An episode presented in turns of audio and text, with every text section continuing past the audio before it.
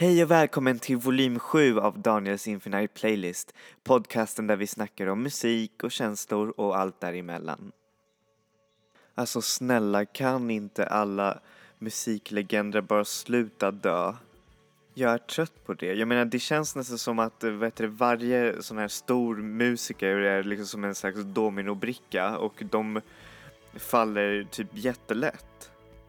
Jag menar, David Bowie är borta och nu Prince. Alltså jag kan, jag kan inte tro det. Jag menar, även fast David Bowie och Prince betydde inte så mycket för mig musikaliskt så kan jag ändå dela den där sorgen med människorna som verkligen lyssnade på dem. Jag menar, alla de där minnena som man måste ha fått av själva musiken. Men det behöver inte betyda att det är över bara för just att de är borta, liksom. Jag menar, deras minne finns fortfarande kvar och det är genom musiken. Och jag lovar att det kommer finnas säkert flera tusentals, flera generationer framåt som kommer lyssna på David Bowie och Prince. Det var dagens lite sorgliga tanke. Men hur som helst så ska vi snacka om albumformatet i det här kapitlet. Är det fortfarande relevant som konstform? Så det var en dag för några veckor sedan då jag liksom bara satt och scrollade på Facebook för ja, jag var ju uttråkad och jag ville se på lite roliga så här kattvideos som folk brukar ibland posta. Och så såg jag att en av statusuppdateringarna från en av mina favoritartister, nämligen svenska artisten Mello. Det här är Mello by the way.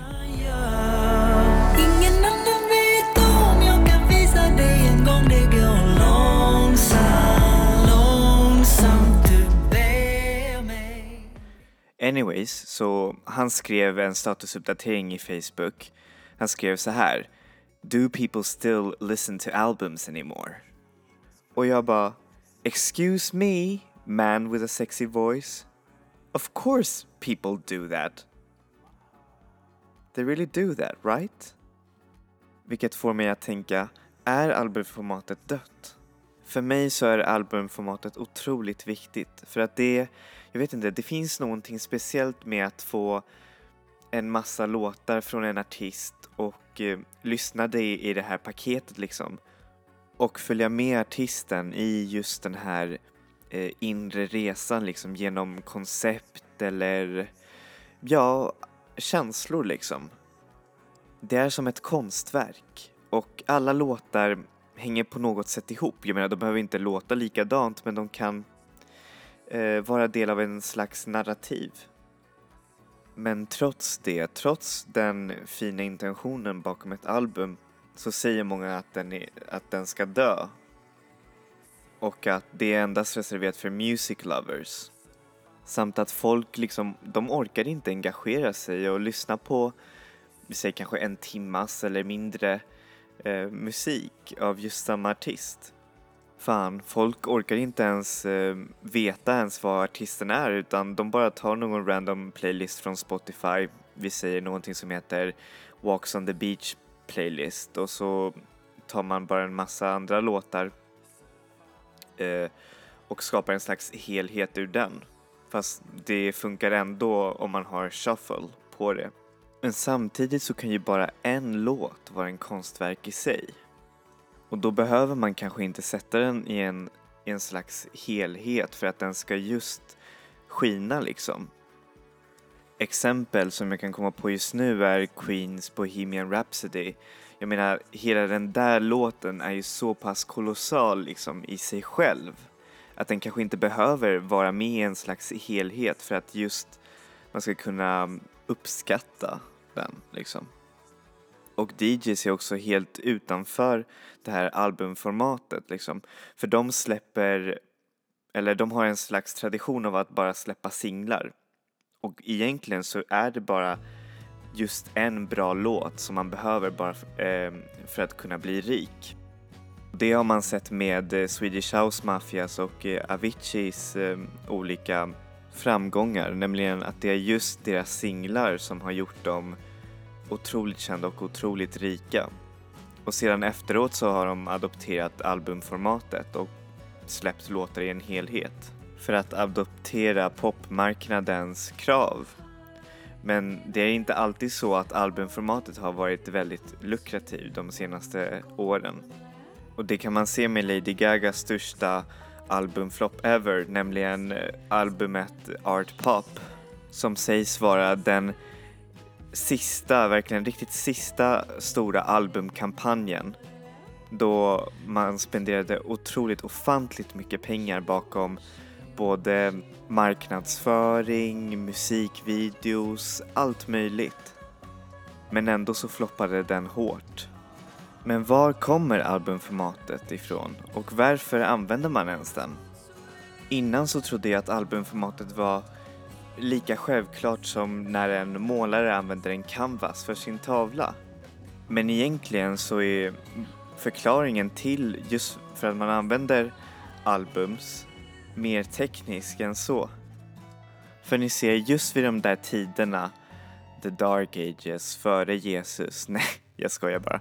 Nej men med teknologin som man fick av just radio, grammofon och sedan massproduktion av eh, vinylskivor så gick man från att just bara ha kanske en slags mini-vinylskiva med en eller två låtar eh, på varje sida så började man med tidens gång, det här är ungefär 1950-1960-talet, eh, upptäcka att man kunde lagra in fler låtar i just den här vinylskivan.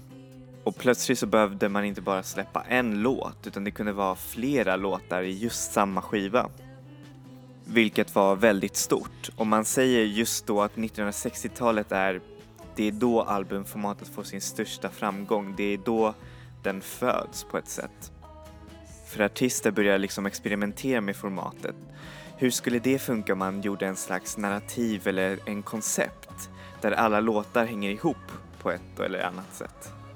Ni förstår, om man kanske lyssnar på så här riktigt tidiga albums från 1960-talet, vi säger Beach Boys eller Beatles, alltså verkligen deras tidiga album, så är de egentligen inte så mycket album utan det är mest som en, det är mest som en slags eh, samling av eh, singlar. De har ingen direkt narrativ eller någonting sånt där men på ett sätt så funkar det ändå som album men samtidigt så kan man höra just att det är bara singlar vilket i sig kan vara ganska tråkigt men man kan samtidigt inte undvika från att dansa till Twist and Shout. Och det var faktiskt The Beatles som verkligen pushade albumformatet fram. För ni ser, det var med Beatles-albumet Sgt. Pepper's Lonely Hearts Club Band som man först upptäckte att man kunde göra ett album som var både kommersiellt attraktiv och ändå uppnå en ganska hög konstvärde. För det är också en av de första album som bygger runt ett slags koncept. Många klagar på att eh, Sgt. Pepper's Lonely Hearts Club Band är ändå ganska overrated och att just eh, själva framgången som de fick av det albumet, det är tack vare just den här flickidolsbilden. Och de hade en otroligt stor skara med hängivna fans som kunde i princip bara köpa allt som de eh, verkligen släppte. Fast jag tycker att det är bara skitsnack för eh, ja, även idag så kan jag tycka att Sgt. Pepper's Lonely Hearts Club Band är ett otroligt bra album. Även om det kan i vissa stunder verka eh, lite weird eller ja, knasig.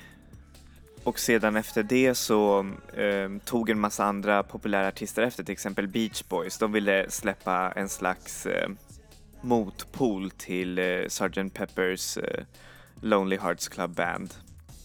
Och det gjorde de väldigt bra med Pet Sounds.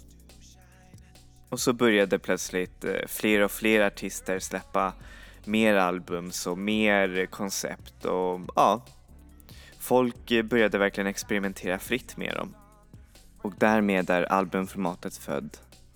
Det är närmast obligatoriskt skulle man kunna säga att eh, band måste nästan släppa ett album. Fast å ena sidan så har singlar alltid dominerat marknaden. Vilket får mig att tänka på nu egentligen. Är folk eh, villiga att lyssna på album så att sitta igenom en timma och göra det? Och när jag har snackat om det här med mina kompisar så är det endast de artister som de är verkligen insatta i som de eh, verkligen lyssnar på album eller ens köper. Annars är det bara så här fritt eh, plock bland eh, ja, en massa olika låtar av en massa andra artister.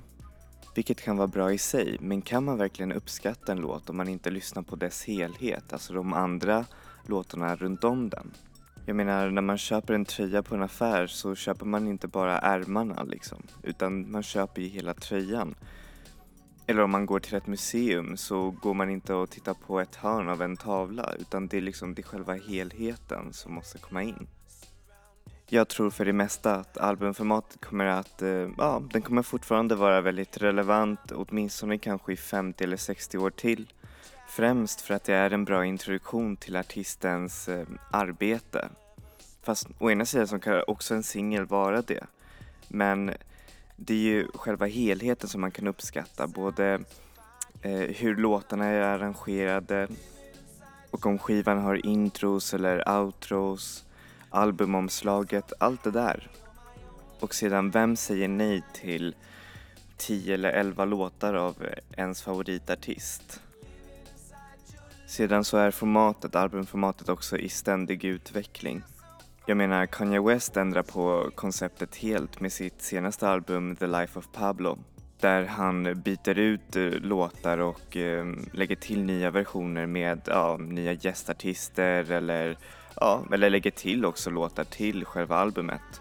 Och förklaringen bakom det här konceptet är att eh, det ska vara som en slags levande konstform att den inte är precis utan den ändras hela tiden. Vilket kan vara spännande i sig, men samtidigt så när en artist har släppt en låt så har man liksom redan vant sig vid den.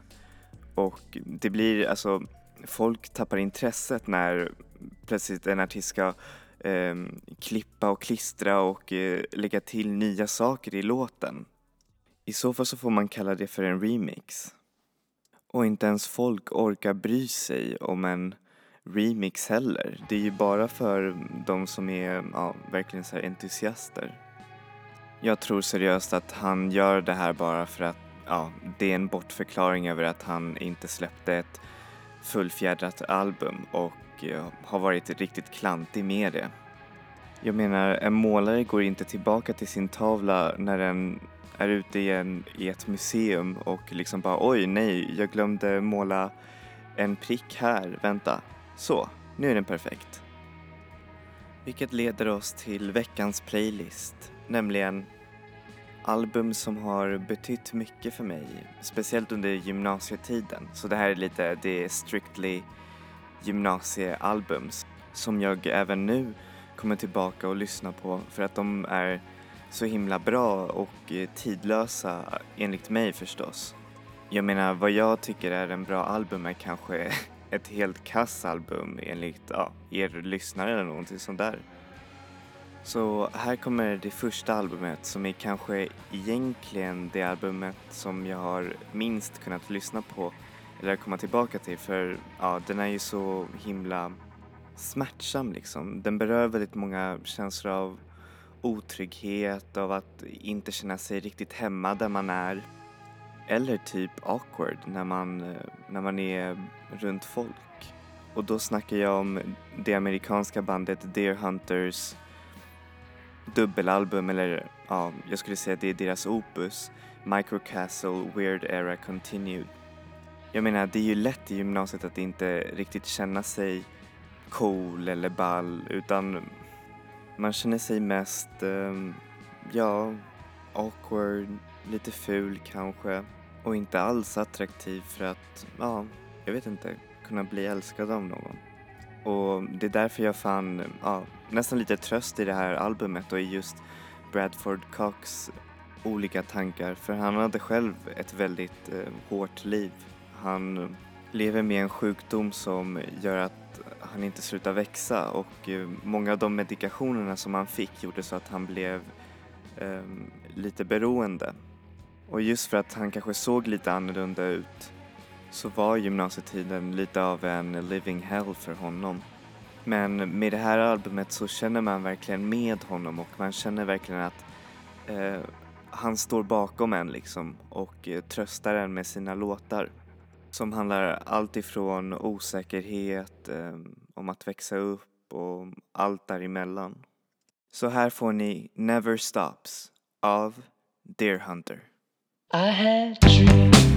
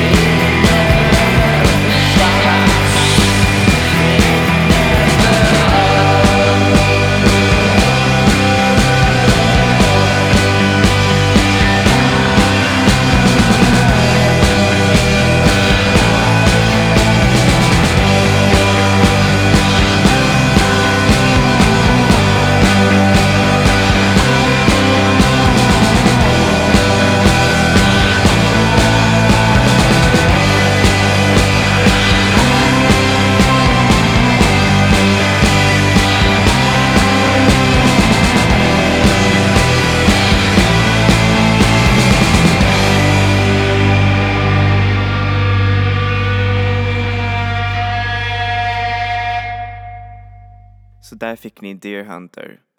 Och jag absolut tipsar er om att lyssna på alla andra Deer Hunter skivor för det är faktiskt en av de banden som verkligen har inget eh, riktigt dåligt album utan ja, nästan alla deras eh, skivor i, ja, i deras katalog är verkligen riktigt, riktigt bra. Nu kommer ett album från ett band som eh, jag håller verkligen riktigt nära hjärtat och det är förstås Beach House och albumet eh, Teen Dream. Om Deer Hunter lärde mig att ja, men det är okej att vara weird och vara vem du vill så lärde mig Beach House hur man verkligen älskar och känslorna däremellan. Och eh, allt ifrån att bli kär, eh, heartbreak och allt. Fortfarande så är alla de där känslorna ganska främmande för mig. Men samtidigt nu när jag lyssnar tillbaka på det här albumet Teen Dream så kan jag verkligen förstå också alla de där känslorna och jag vet inte, det känns som en eh, ledande hand. Och om jag inte hade någon eh, tonårsromans så var nog eh, just det här albumet som fyllde det där åt mig. Och jag tror om jag skulle bli kär eller någonting däremellan så mm, tror jag att det nog skulle kanske likna hur det här albumet låter. Det är också inspelat i en kyrka så det är verkligen, det låter episkt. Det är, det är som en episk tonårs-soundtrack till kärlek. Och man får inte heller glömma nämna sångerskan Victoria Legrands otroligt kraftfulla röst. Jag tror att det är en av de mest expressiva rösterna som vi har just nu. Så här får ni Norway av Beach House.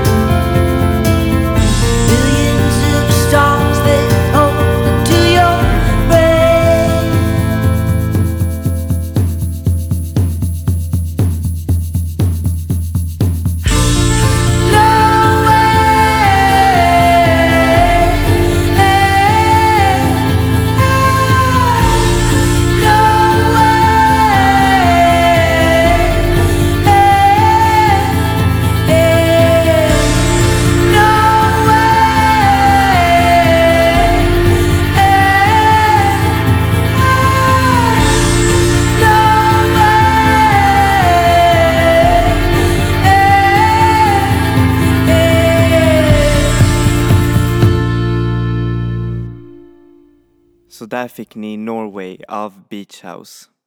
Oh, jag kommer fortfarande ihåg första gången jag lyssnade på den här låten. Jag fick verkligen typ så här gåshud. Nästa låt kommer kanske från det albumet som jag mest kommer tillba- har kommit tillbaka till eh, de senaste åren. Och det är kanske för att den låter just precis som jag. Nämligen teatralisk, storslagen och väldigt pompöst. Nej, jag skojar.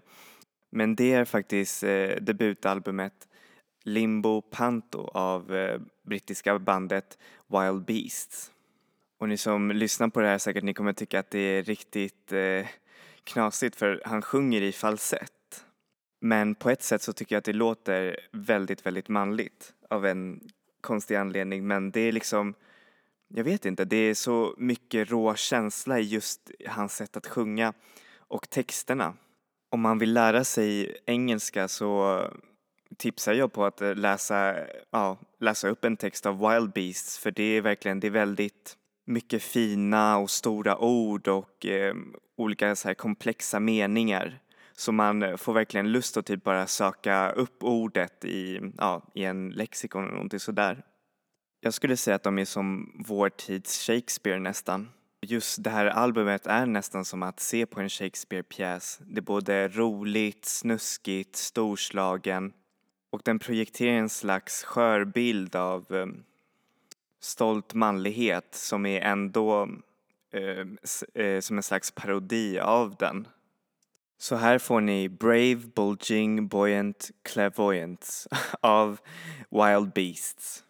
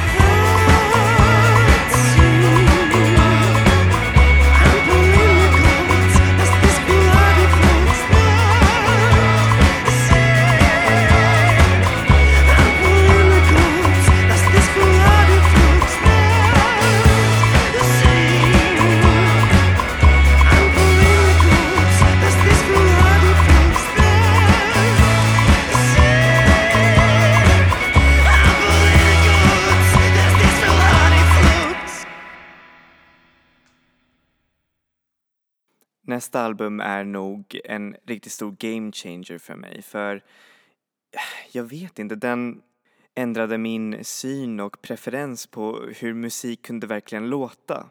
Och då snackar jag om Grimes album Visions.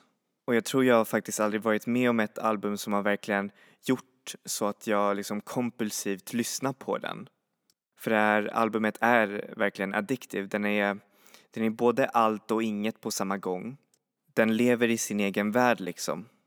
Och ja, jag vill alltid komma tillbaka till den och jag, kan, jag känner fortfarande, även när jag, när jag lyssnar på den, att jag finner eh, nya saker.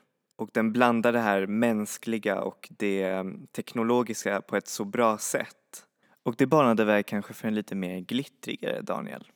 Så här får ni Genesis av Grimes.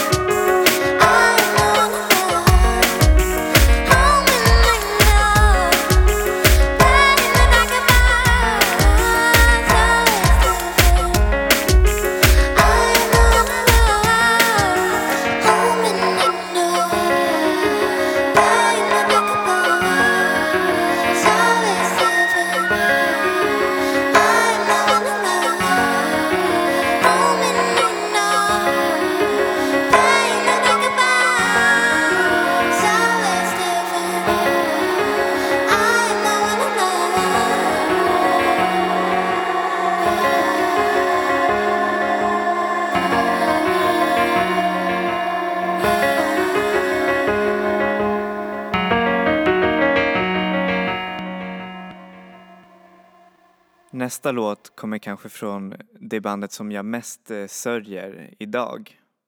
Det är nämligen Woo Life eller World Unite Lucifer Youth Foundation. För de hade en väldigt kortlivad karriär. Um, bara efter ett album så slutade de att göra so uh, eh, musik men de lämnade ändå en ganska stor intryck i musikvärlden och oss som lyssnade på dem. Och även idag så betyder det här albumet otroligt mycket för mig för den berör så mycket och den är väldigt rå men samtidigt så känns det som att den kysser himlen. För att den handlar om, jag vet inte, det känns som ett väldigt heligt album. Den berör allting om orättvisa och eh, kärlek. Samt visar på den här slags råa mänskliga kraften bakom den. Som amplifieras på ett sätt av Eh, frontmannen Ellery James Roberts eh, röst. Många tycker att han låter som en hund. Men själv så tycker jag att, ja jag vet inte, det är, nej jag tycker det är bara vackert hur han sjunger. Det är väldigt lätt att känna sig ensam och övergiven under ungdomen. Speciellt när man får alla de här känslorna och det känns som man verkligen är i sin egen planet. Men just med Woo Life så lärde jag mig liksom att titta runt omkring mig och se att eh, allting är verkligen vackert och eh, den här resan som vi kallar för livet, den är så himla värd att ta.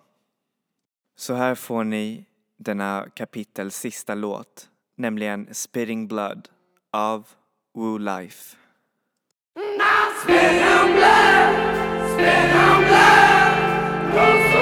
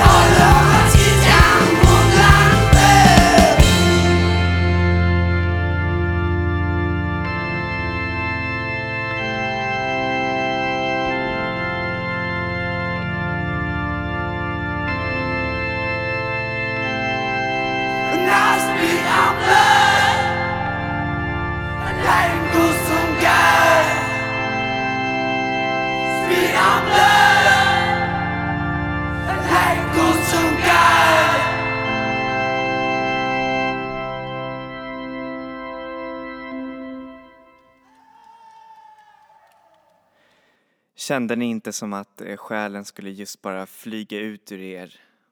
För det gjorde jag. Man får bara lust att liksom bara skrika ut i världen och eh, ja, jag vet inte. Göra något galet. Nej men eh, som ni ser, eh, albums kan vara en väldigt så här, personlig resa och det kan verkligen forma en på vissa sätt. Precis som all konst, det lämnar ju ett intryck hos en. Och jag tror inte att formatet kommer att dö, inte alls. Tvärtom. Det kommer verkligen att leva vidare. För om ni bara visste hur många artister, alltså var, varje år som släpper verkligen otroligt fina mästerverk som kan jämföras med de största och folk som verkligen ändrar på sätten som vill lyssna på musik. Så om ni inte har gjort det, försök att lyssna på ett helt album av en artist som ni tycker om och sen eh, tänk på den där resan som ni gör. Ni lär kanske lära er något om er själva eller ja, om bandet. Sen så finns det rent av dåliga albums. Men det är också extremt subjektivt så vad jag tycker är dåligt är kanske någon, någon annan som tycker det är bra och sen så vice versa. Och sen, jag menar, man har tid att lyssna på album. Så jag menar, ta upp eh, hörlurarna på din iPod eller någonting sådär under tågresan så lär du, ja, finna som en slags kompanjon just, alltså just under den här resan som du gör genom att lyssna på det här albumet. Det lär kanske göra din dag bättre. Just det, jag glömde säga namnet av det albumet som jag just spelade. Det är ju såklart Go Tell Fire to the Mountain av bandet Woo Life. Så, då var veckans kapitel slut och eh, jag hoppas att eh, ni fick lära er lite om hur albums funkar och ja, lite, eh, lite om mina personliga favoriter och att ni ser liksom eh, hur viktigt det, det här formatet är samt vilken personlig betydelse just en, ett musikstycke eller ett album kan ha för en. Hej då mina vackraste musiklyssnare. Kom ihåg, enjoy music, enjoy life.